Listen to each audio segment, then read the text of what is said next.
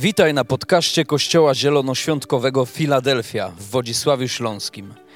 Mamy nadzieję, że to przesłanie zachęci Cię do bliższej relacji z Jezusem. Jeżeli jesteś ciekaw, kim jesteśmy, zapraszamy Cię do odwiedzenia naszej strony internetowej filadelfia.org.pl. Do zobaczenia w Filadelfii. Pozostańmy w tej cudownej zadumie. Starsi Filadelfianie znają to słynne przejęzyczenie. Zgromadzaliśmy się wtedy w takiej małej świetlicy osiedlowej na osiedlu Dąbrówki i była właśnie taka zacna atmosfera i, i ja w takim uniesieniu mówię, pozostańmy wszyscy w te, w te, dalej w tej zadymie. E, Dobrze, moi drodzy, e, czasami jest taki, taki moment takich różnych pastorskich ogłoszeń, e, bo, bo różne rzeczy się dzieją. Na wstępie może nigdy nie ma okazji, albo ja też nie kojarzę, więc mnie poprawcie, ale ponieważ są z nami bardzo często już w tej chwili tysiące ludzi online, i ci, którzy są z nami online, także wspierają nas finansowo i dzięki temu te, te transmisje mogą, mogą się odbywać, mogą być na coraz wyższym poziomie. E, Więc także Wam, drodzy onlineowicze, Filadelfia Online, dziękujemy Wam za wszystkie dary, za wszystkie hojne, e, hojne przelewy, te duże i te małe i dziękujemy Wam i, i wierzymy, że nasza służba w tym obszarze będzie coraz lepsza. Także wielkie, wielkie dzięki. Podziękujmy im oklaskami też. Dziękujemy. Bardzo często ci ludzie nawet nigdy tu nie byli. Wiecie, to jest naprawdę wielki wyraz też zaufania, że oni tak po prostu online gdzieś tam w kosmos wysyłają pieniądze. W kosmos, czyli tu e, i wierzą, że będą dobrze te pieniądze spożytkowane. Moi drodzy, nasz e, kościół, jak zauważyliście na e, załączonym obrazku, czyli po audytorium, ciągle się zapełnia, zapełnia, zapełnia. E, I także zapełnia się w ten taki sposób formalny, czyli poprzez deklarację członkostwa. E, I dzisiaj mamy przyjemność przywitać, nie wiem czy to ze względu na RODO mogę przeczytać nazwiska, czy nie, to po imionach powiem, a więc Łukasz i Karolina, Łukasz i Karolina, gdzie jesteście?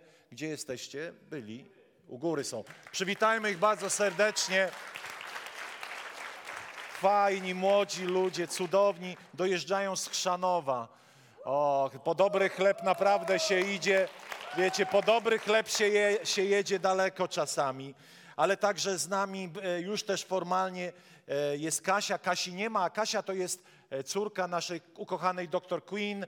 Przywitaj Kasię od nas. Też Kasiu, jak nas oglądasz, to my Cię witamy. Kasia studiuje we Wrocławiu, a także Grzesiu i przepraszam, co ja gadam, w Poznaniu, ten Wrocław to jest taki w moim sercu wbity, bo ja tam studiowałem. A także Grzegorz i Ania, p- p- powitajmy ich bardzo serdecznie. Grzesiu, a gdzie Ania? Gdzie Ania? Ania, wstań, no weź.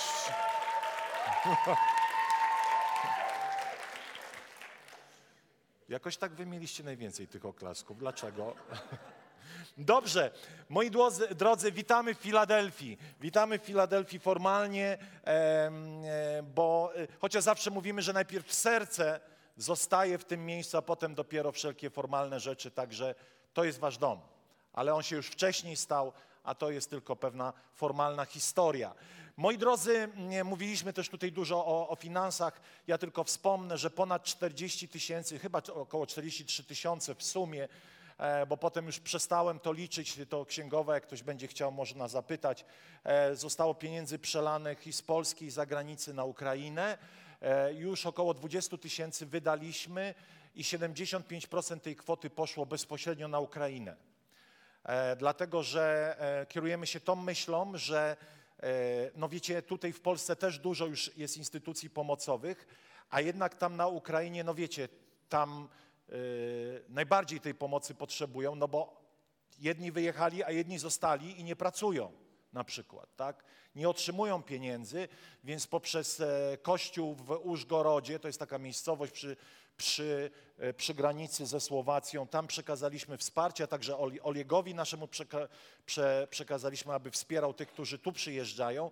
Natomiast tam do tego Użgorodu, gdzie jest taki pastor E, Edward, e, o, jemu przekazujemy te środki, może za tydzień zrobimy krótką prezentację, co oni z tymi pieniędzmi robią, jak goszczą, bo oni też mają uchodźców, bo tam jest spokój w tej miejscowości, tam nie toczy się wojna, to jest kilka kilometrów od słowackiej, od węgierskiej granicy i oni też przyjmują uchodźców. A więc oni ich utrzymują, oni ich karmią i my tam wysyłamy pieniądze, E, ponad tam już 2000, dolar, 2000 euro żeśmy wysłali, czy wysyłamy, bo teraz pójdzie w poniedziałek drugi przelew. Także e, ciągle się dzieje. E, praktycznie nasze mieszkanie jest gotowe i jeżeli będzie taka potrzeba, ono zostanie zasiedlone na osób, które chcą zostać w Polsce na dłuższy czas, a może nawet mieszkać i to chcemy, żeby to był taki hub, do którego ludzie wchodzą, mieszkają kilka miesięcy, zaczynają pracować, zdobywają pieniądze, oszczędzają, a żeby mogli potem na przykład już potem pójść na swoje, prawda? Bo rozumiemy, że nie w każdym mieszkaniu można mieszkać długo. E, kończymy, ja już to wspominałem, kończymy praktycznie naszą kawiarenkę. Tam zostały tylko jeszcze o zgrozo do wymiany drzwi. Te tutaj piękne, szklane zostaną za, za, za, zamienione na brzydkie drzwi przeciwpożarowe. Także przygotujcie się na ten stres i to, te rozczarowanie. E, tak jest życie, droga siostro. E, oczywiście mogłyby być drzwi szklane, ale drzwi szklane kosztują prawie 40 tysięcy e, przeciwpożarowe, ale takimi kozakami nie jesteśmy finansowymi, więc za jedną czwartą ceny wstawimy brzydkie przeciwpożarowe drzwi, e, które spełniają wymogi. E, to skomplikowany temat, nie będę o tym mówił, wiecie, sam jestem zniechęcony. Jak? Plakaty powiesimy. Tak, plakaty sprajem pomalujemy, będzie dobrze. Będzie pani zadowolona. Będziecie państwo zadowoleni. Będziecie państwo zadowoleni.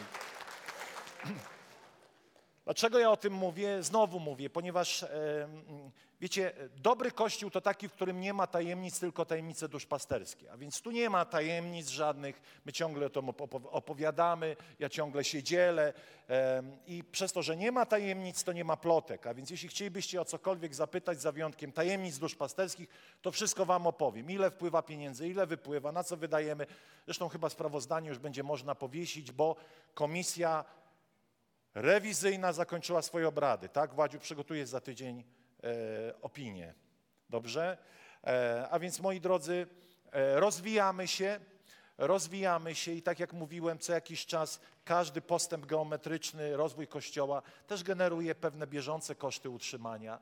E, nie chcę tu wchodzić w detale, wszystko będzie na, na tym sprawozdaniu, ale jeszcze raz wielkie ukłony, dziękujemy za ten kolejny rok finansowy. Przeszliśmy go zwycięsko, pandemię po raz drugi, żeśmy zadali cios COVID-owi w postaci rozwoju Kościoła e, i to jest niesamowite. I dalej będziemy się rozwijać. Teraz już właściwie wszy, wszystkie obostrzenia zeszły, więc podczas wieczerzy, która dzisiaj będzie, nie musisz kieliszka na pamiątkę zabierać do domu. O, tak, takie udogodnienie. E, Dobrze, moi drodzy, idziemy do kazania. Uświęcenie, część trzecia. Dzisiaj będziemy mówić, jak szybować, bo w uświęceniu chodzi o to, żeby szybować. Uświęcenie to przywrócenie piękna i potencjału, jaki każdy z nas ma. Uświęcenie to jest powrót do pierwotnego zamysłu, pierwotnego piękna, jakie człowiek miał w ogrodzie Eden. Uświęcenie to powrót do miejsca doskonałości. I posłuchajcie tego, proces uświęcenia to jest wyraz wartości, jaką Bóg nam nadaje. Czyli Bóg patrzy na ciebie i mówi tak: w tobie musi odbyć się proces, dzięki któremu wrócisz do pełni potencjału, jaki mam dla ciebie, który wymyśliłem sobie w momencie stworzenia. I wiecie, to mi ta koncepcja uświęcenia, ona mi się o wiele bardziej podoba niż to, z powodu czego my do dzisiaj cierpimy, myśląc o uświęceniu. I ja może powiem, skąd się wzięła pewna koncepcja uświęcenia, która do dzisiaj gdzieś funkcjonuje w kościołach. To jest bardzo proste. Ona wzięła się z pierwszych wieków Kościoła, a szczególnie rozwinęła się w średniowieczu. Przypomina mi się scena z filmu Kod, Kod Da Vinci, tak? Znowu będzie o filmie. Nie oglądałem na Netflixie, żeby była jasność. Nie myślcie, że ja siedzę godzinami na Netflixie. Godzinami ja się modlę, a Netflixie siedzę tylko chwilę. Ale mówiąc całkiem serio, tam jest jedna z pierwszych scen, w której taki blond zakonnik, ktoś pamięta, taki blondas zakonnik, przepraszam za, to stwierdzenie, on jest w swoim pokoju i biczuje ciało. Zadaje sobie ciosy. E, dlaczego? Dlatego, że w jego rozumieniu to ciało to było coś grzesznego, coś okropnego, coś obrzydliwego i trzeba z tym ciałem walczyć. I te dziwne, te dziwne rzeczy powstały w średniowieczu. Nazywane były ascezą, była to gorąca i żarliwa religijność. E, był taki człowiek, który się nazywał święty Aleksy, który w dniu swojego ślubu postanowił zrezygnować z życia w dostatku, opuścił żonę, aby rozpocząć przestrzeganie surowych reguł ascezy i w ten sposób naśladować Chrystusa.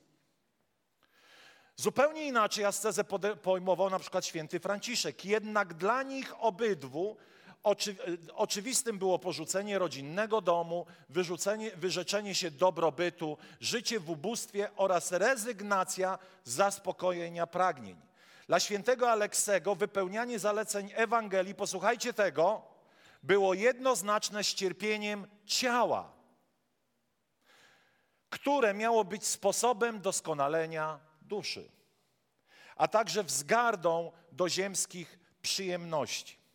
Wiecie, dzisiaj oczywiście my, jako chrześcijanie, wypieramy się tego typu podejścia, ale z drugiej strony bardzo często traktujemy tą trzecią część nas jako coś zbytecznego, coś okropnego.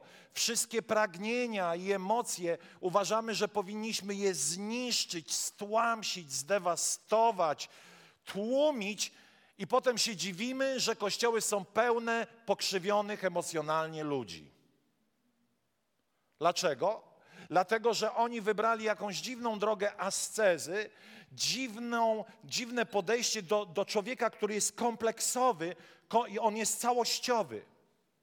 Pamiętam jeszcze, ja pamiętam te czasy. Wiecie, teraz byłem na konferencji i na spotkaniu dla liderów e, w jednym z kościołów i zaczynam za, za często mówić, kiedy ja się nawróciłem. To jest niedobre, ale nie mam innego słowa, bo nie chcę powiedzieć 30 lat temu, bo to jeszcze gorzej brzmi. Ale Czasami słyszałem w dosyć może i sam nawet chwilami nauczałem, że musisz tak bardzo znienawidzić siebie, wyrzec się wszystkiego, aby Bóg cię przyjął. Musisz stłamsić wszystkie pragnienia, marzenia i potrzeby i oddać to Bogu. Myślę, wiele razy słyszałem, to pamiętam, dlatego grałem w zespole uwielbienia, a nie chciałem grać w zespole uwielbienia Myślę, że Bóg jest zadowolony ze mnie, jeśli robię to, czego nie lubię. To jest prawdziwe krzyżowanie siebie.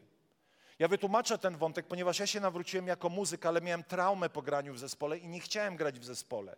Ale ludzie w dobrej wierze od razu wtłoczyli mnie w zespół i mówili tak, wiesz, jak tego nie lubisz, to to jest prawdziwa taka ofiara dla Pana, że robisz to, czego nie, nie lubisz, że jesteś w stanie tyle wycierpieć. E, I, I potem sam nawet tłumaczyłem ludziom, którzy nie chcieli robić tego, co, co nie lubili, musisz to robić, bo Bóg tego od ciebie oczekuje i tak dalej. Kompletnie pomylenie wszystkiego. Kompletnie pomylenie. Nie chcę powiedzieć, że zawsze robimy tylko to, co lubimy, ale po prostu, wiecie, w tym, o czym Wam mówię, było pewne uczynkowe podejście do miłości Bożej pewne przeakcentowanie tego, że ja potrafię i ja sam będę się uczynię świętym, zamiast tego, jak Biblia definiuje proces uświęcenia, czyli proces przeobrażania mnie na podobieństwo Boże. Gdybym sam potrafił to zrobić, niepotrzebny byłby mi Chrystus, Duch Święty i, i Ojciec. Rozumiecie?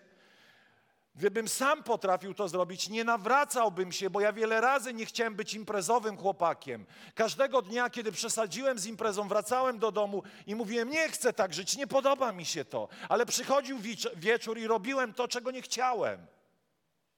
I apostoł Paweł mówi, że robi to, czego nie chce. Któż mnie wyrwie z tego ciała? I tutaj słowo klucz śmierci.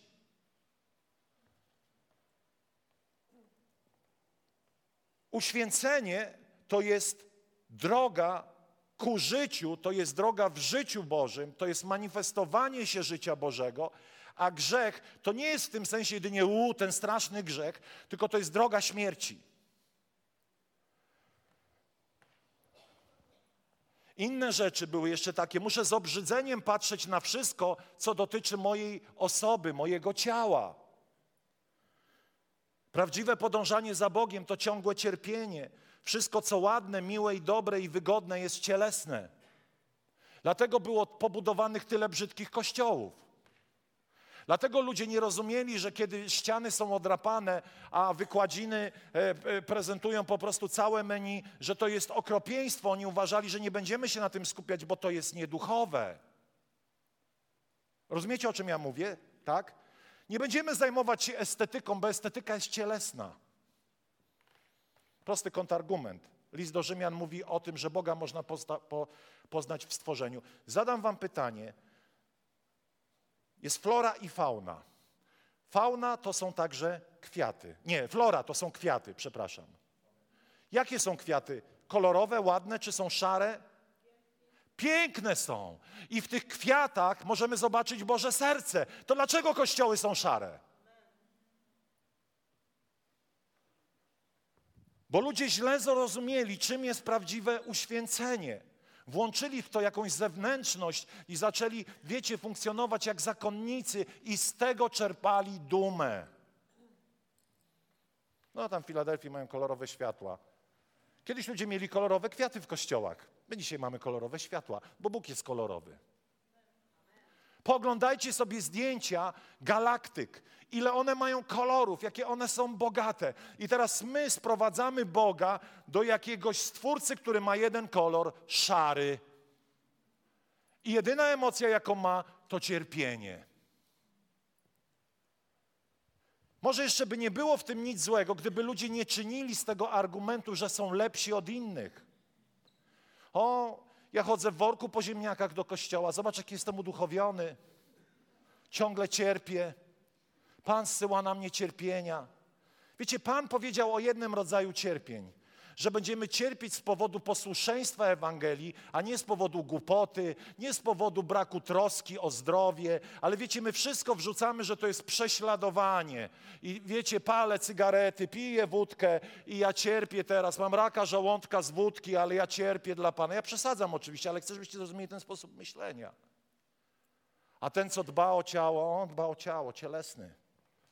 A przecież Jakub mówi, każdy dba o ciało i pielęgnuje je. Halo, tu ziemia. Jest taki wiersz w Biblii. Bo Twoje ciało jest darem dla Ciebie. Ciało w Biblii to są pewne rzeczy związane z upadkiem, z życiem w śmierci, w grzechu, a nie ciało to ciało, to ciało. Tak, to ciało przemija, ale Biblia mówi, że nasz wewnętrzny człowiek odnawia się coraz piękniej i piękniej. To dlaczego, kiedy ludzie, niektórzy mają 80 lat, są tak z, zgorzkniałymi chrześcijańskimi starcami, że wszyscy na kilometr od nich uciekają? Wiecie dlaczego? Dlatego, że oni pokładali swoją nadzieję w uczynkach. Katowali się e, robili różne rzeczy. Tego nie wolno było, tamtego nie wolno było, tamtego jeszcze nie wolno było i tamtego jeszcze nie było. Ich życie to było jedno wielkie pasmo smutku. Ten pogląd mówi także, że trzeba brzydzić się przyjemnością i jego unikać.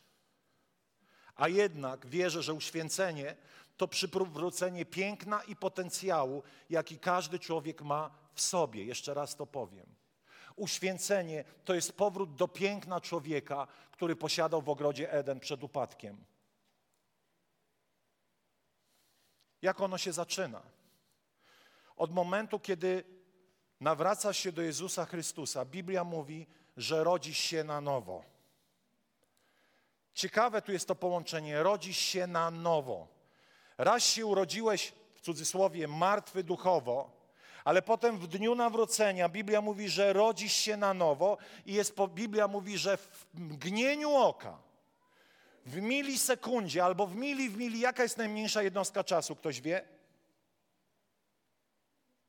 A myślałem, że tu wiecie coś. W milisekunda, tyle wiem.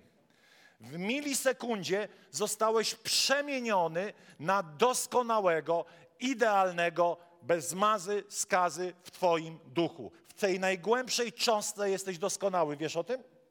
Tam już nic nie potrzebujesz poprawiać. Tam już jesteś w jednej chwili stworzony nowy, niepoprawiany, niedoskonalony. W jednej chwili przez Chrystusa, który zmarł na krzyżu i zmartwychwstał, rodzisz się na nowo, jak mówi Ewangelia Jana, trzeci rozdział, i stajesz się nowym stworzeniem.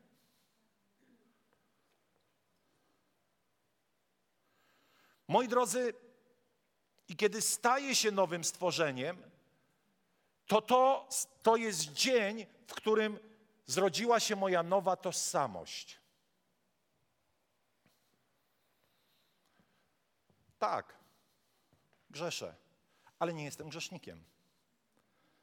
Tak, czasami zrobię coś złego, czasami zawiodę, ale nie jestem grzesznikiem. Powiem Wam, kim jestem. Jedziemy. Wiedząc, że nasz stary człowiek razem z nim został ukrzyżowany, aby grzeszne ciało zostało zniszczone i abyśmy już dłużej nie byli zniewoleni przez grzech. Kto bowiem umarł, stał się wolny od grzechu. Jeśli zaś umarliśmy z Chrystusem, wierzymy, że z Nim żyć będziemy. Oto mój stary człowiek, on umarł, został przybity do krzyża i w to miejsce zrodziłem się nowy ja. To jestem ja prawdziwy. Słuchajcie teraz dalej. Ten właśnie Duch Święty wraz z, na, z, naszym duchem świadczy, że jesteśmy dziećmi Boga. Powiedzmy głośno, jesteśmy dziećmi Boga. Idziemy dalej. Dlaczego to się nie wyświetla? Prosiłem, żeby te slajdy się wyświetlały. Hej, baza. Ten właśnie duch świadczy wraz z naszym duchem, że jesteśmy dziećmi Boga, a jeśli dziećmi, to i dziedzicami Boga, a także współdziedzicami Chrystusa, jeśli tylko razem z Nim cierpimy po to, żeby razem z Nim mieć też udział w chwale. Tak więc kto jest w Chrystusie, nowym jest stworzeniem. Stare przeminęło i stało się nowe. Nowe. To jest Twoja prawdziwa tożsamość. Jesteś nowy w swoim duchu. Tam nie ma nic, cokolwiek byłoby niedoskonałego. Yy, wiecie, grzesznego. Po prostu, gdyby tak było, nie mógłbyś pójść po śmierci do nieba. A więc Twoja wieczna cząstka, jaką jest Twój duch, jest nowa i to musi mieć znaczenie dla reszty mojego ciała i reszty mojego postępowania. Ja podam pewien przykład, który nie jest do końca dobry, ale, ale jakby chcę Wam pokazać pewien mechanizm. Nigdy nie idźcie tą drogą, bo ona jest błędna, ale chcę powiedzieć, na czym to mniej więcej polega. Oto pewnego dnia stałem na poczcie i przede mną stała kobieta, która, ja nie wiem, czy miała gorszy dzień, nie wiem, co jej się stało, po prostu zaczęła wyzywać panią w okienku. Ale wiecie, wyzywać to jest delikatne słowo, jakiego użyłem. Ona ją wbijała w fotel, tylko dlatego, że ta kobieta coś robiła za wolno. Wiecie, notabene ja zawsze, kiedy idę na pocztę, to wydaje mi się, że one robią za wolno. Ale to tak na marginesie. I wiecie, krzyczy po tej kobiecie i teraz czuję, kiedyś usłyszałem w Trójce takie powiedzenie, że kiedy wszyscy są przeciwko jednemu, to zawsze przyjmij stronę tego jednego, nieważne co zrobił. I sobie myślę tak, orzesz ty. I ta dalej wrzeszczy, a ja tak czuję, jak mi to rośnie we mnie. Rośnie i mówię, cel pal. Ale myślę sobie, a jak tu będzie ktoś z kościoła? Jestem pastorem. Nie mogę zwyzywać kobiety, która wyzywała panią w okienku, chociaż już miałem, wiecie, cały dialog. Dialog był po prostu dewastujący ją. I myślę sobie, zaraz ją załatwię. Problem był tylko taki, że ją znałem. I całkiem nawet dobrze, ale, ale co chcę powiedzieć? Odwołałem się nie do końca do dobrej tożsamości, że jestem pastorem. Ale wiecie, w procesie, procesie uświęcenia, czyli przywracania Twojego postępowania, Twojego zachowania, myślenia, życia do pierwowzoru z ogrodu Eden, odwołujesz się do tego, że jesteś dzieckiem Bożym. Jestem dzieckiem Bożym. To jest moja tożsamość. Z tej tożsamości niech wynika moje postępowanie. Rozumiecie? I nagle zaczynasz czuć, jak Duch Święty pracuje przez Twoje pochodzenie niebiańskie, przez to, kim jesteś, że to nawet nie jest kwestia, że pewnych rzeczy Ci nie wypada. Po prostu ta siła tożsamości, kim naprawdę jestem w duchu, zaczyna mnie powstrzymywać. Dlatego Biblia mówi, że nie mamy ducha bojaźni, ale ducha samokontroli. Że ten Duch Święty we mnie, on kontroluje moje zachowania, nawet jeśli czasami coś nie wychodzi, to za którymś razem wyjdzie.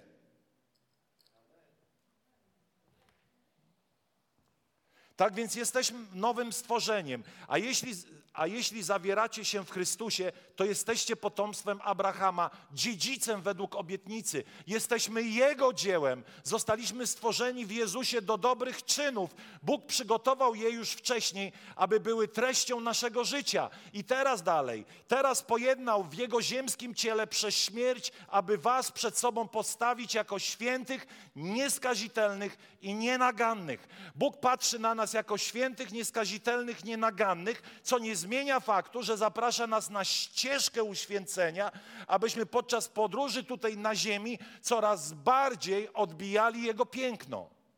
Ale to się zaczyna od tego, że zaczniesz akceptować to, że jesteś nowy ja. I to nie mam na myśli, że jestem częścią Kościoła Filadelfia. Mam na myśli to, że jestem dzieckiem Bożym, jestem częścią Jego królestwa. Zobaczcie, jak Bóg o nas mówi. Stąd, bracia, święci, współuczestnicy powołania niebieskiego, skupcie uwagę, i to jest ciągle ten klucz, skupcie uwagę na Jezusie, apostole i arcykapłanie wyznawanych przez nas prawd. Uczyńcie to jako ludzie odrodzeni nie z nasienia zniszczalnego, ale niezniszczalnego przez słowa Boga, żywe, przemieniające. I kolejny, i tak mogę czytać, ale wy jesteście rodem wybranym, królewskim kapłaństwem, narodem świętym, ludem nabytym, by rozgłaszać wspaniałości tego, który was powołał z ciemności i wprowadził w swoje zachwycające światło. Świetłe tłumaczenie. Wprowadził nas w swoje zachwycające światło.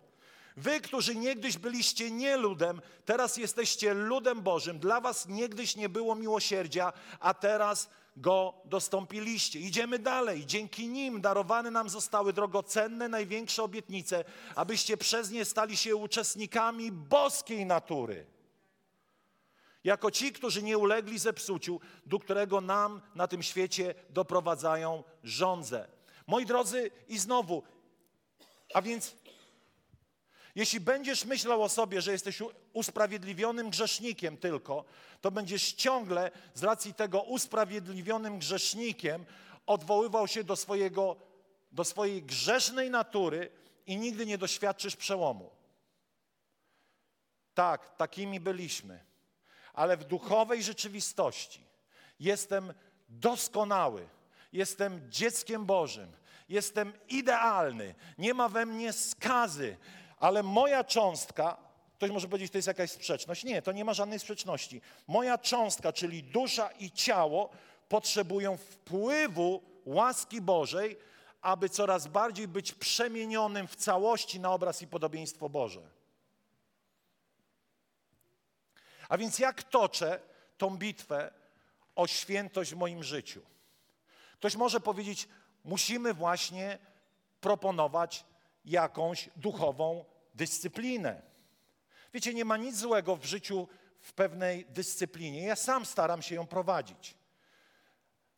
Ale wiem, że ja jako ja nie jestem w stanie wszystkiego trzymać w dyscyplinie. Pewnego dnia można się w tym wszystkim zmęczyć.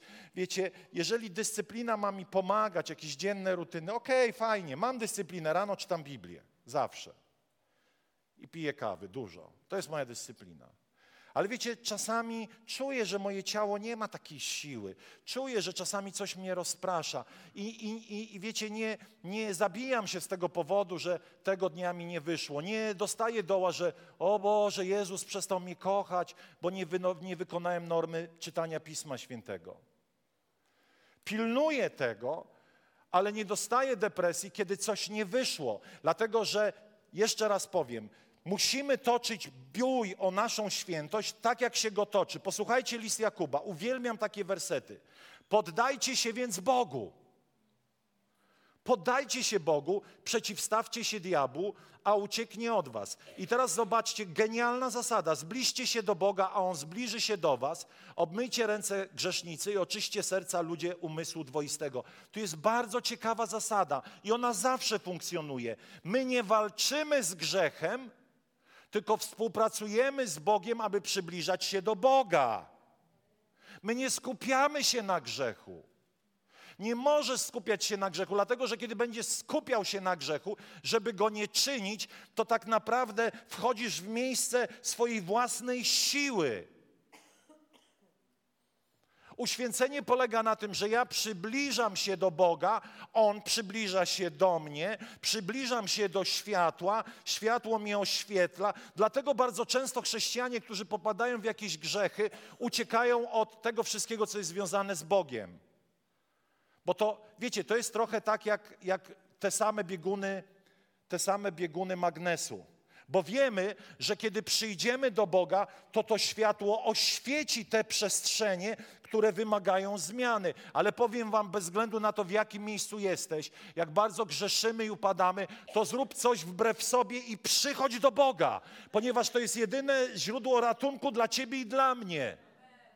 Nie możesz myśleć, przyjdę, jak to załatwię. Nie, nie załatwisz tego. Przyjdź właśnie, ponieważ w duchu jesteś doskonały i możesz przyjść do Boga ze względu na doskonałego ducha, który jest w tobie, a nie ze względu na twoje grzechy duszy czy ciała.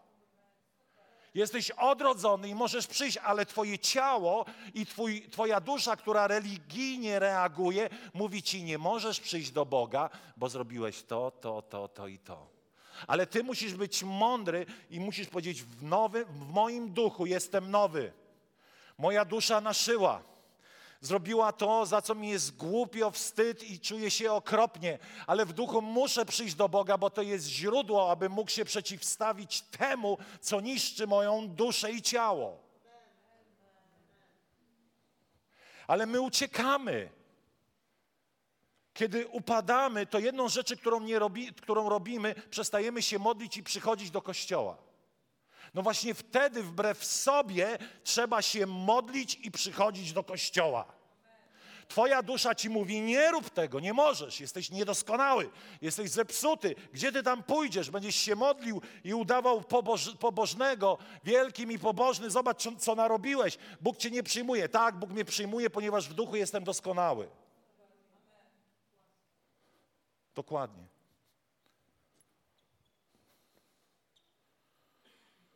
Zatem podporządkujcie się Bogu, przeciwstawcie się diabłu. Inne tłumaczenie mówi, zatem podporządkujcie się Bogu, a przeciwstawcie się temu oszczerstwu, temu oszczercy, a od was ucieknie. Zbliżcie się ku Bogu, a zbliży się do was. To jest inne tłumaczenie tego, który, które prze, prze, przeczytałem wam.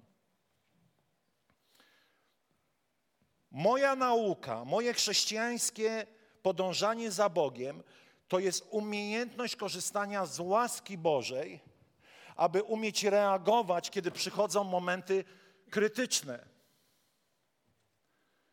Duch Święty zawsze kieruje nas w stronę świętości i drogi Bożej. Nie zawsze wybieramy tą drogę, ale zawsze w nas ten głos pokazuje, jaki jest kierunek, prawda? Jesteście ze mną? Zawsze, kiedy wybieramy źle, odczuwamy konflikt pomiędzy tym, co Duch Święty do nas mówi i tym, co jest cielesne, co jest śmiertelne. Nie wygrywamy tego dyscypliną ani umartwianiem ciała, ale kierowaniem naszego życia w stronę źródła i korzystaniem z Jego mocy. I teraz posłuchajcie. Izajasz 40 rozdział 29 do 31. Oto mówi on tak: Zmęczonemu daje siłę, a bezsilnemu moc w obfitości. Nawet najmłodsi ustają, nawet młodzieńcy padają. Lecz tym, którzy ufają Panu, przybywa wciąż nowych sił. Inne tłumaczenie mówi, lecz tym, którzy oczekują na Pana. Wzbijają się na skrzydłach jak orły, biegną, nie tracą tchu, prą naprzód i nie są zmęczeni.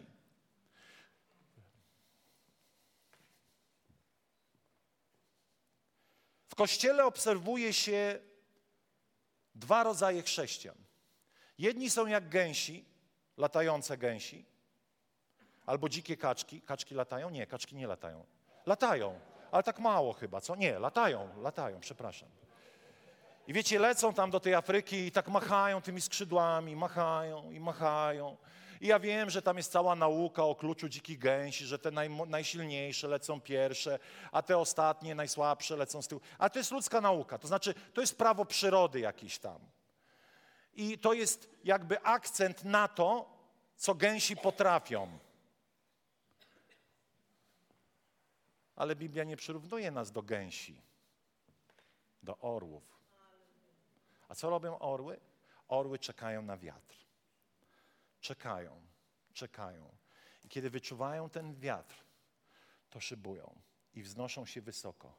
Możesz być gęsią, nawet możesz starać się być dobrym chrześcijaninem i to będzie dobrze wyglądać, ale pewnego dnia albo upadniesz pod ciężarem machania skrzydłami, albo będziesz jak starszy brat z historii o synu marnotrawnym, który będzie z góry patrzył na wszystkich innych, którzy nie są tak etyczni, nie są tak moralni jak ty, który uczyniłeś to o własnych siłach. Ale są pewni duchowi cwaniacy w dobrym tego słowa znaczeniu, którzy wiedzą, że są słabi, którzy wiedzą, że o własnych siłach nie potrafią być lepsi, ale wiedzą, że kiedy złapią wiatr Ducha Świętego i pozwolą Duchowi Świętemu pracować, pozwolą Duchowi Świętemu napełniać swoje życie, zaczynają fruwać wysoko. I oni przy minimalnym wysiłku osiągają niesamowite efekty. Wiecie, mnie zawsze mówiono, musisz się starać, musisz się starać, musisz się starać. W wieku 53 lat przestaję się starać, znaczy wcześniej przestałem się starać, ale ja już nie mam sił się starać. Bo zawsze mi to nie wychodziło. Zawsze ktoś więcej się modlił, zawsze ktoś był bardziej opanowany, zawsze ktoś był bardziej namaszczony, elokwentny i to, i siamto. A ja taki zmęczony, jak ta gęś. Mówię, Jezu, wiecie, za każdym razem, kiedy tu wychodzę, mówię jedno zdanie. Duchu Święty, zróbmy coś tu razem. Duchu Święty, zróbmy coś tu razem. Ty wiesz, że ja nie potrafię. Ty wiesz, że ja sam nawet jak głoszę, to się sobą nudzę. Panie Boże, zrób Ty coś.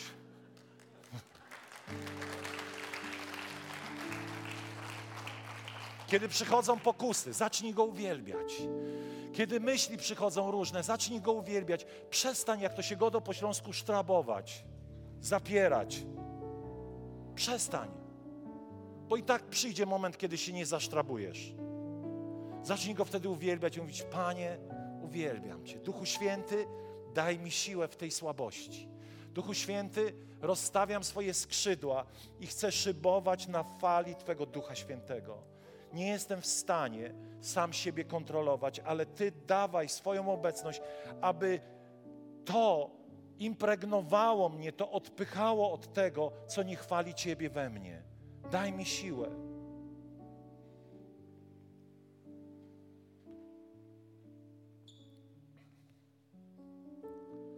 Szybowanie to wykorzystywanie prądu wiatru. Oczywiście w tej nauce jest też to, że żeby szybować, musi następować tarcie pewne, ale jednak jest to wykorzystywanie tej siły nośnej wiatru.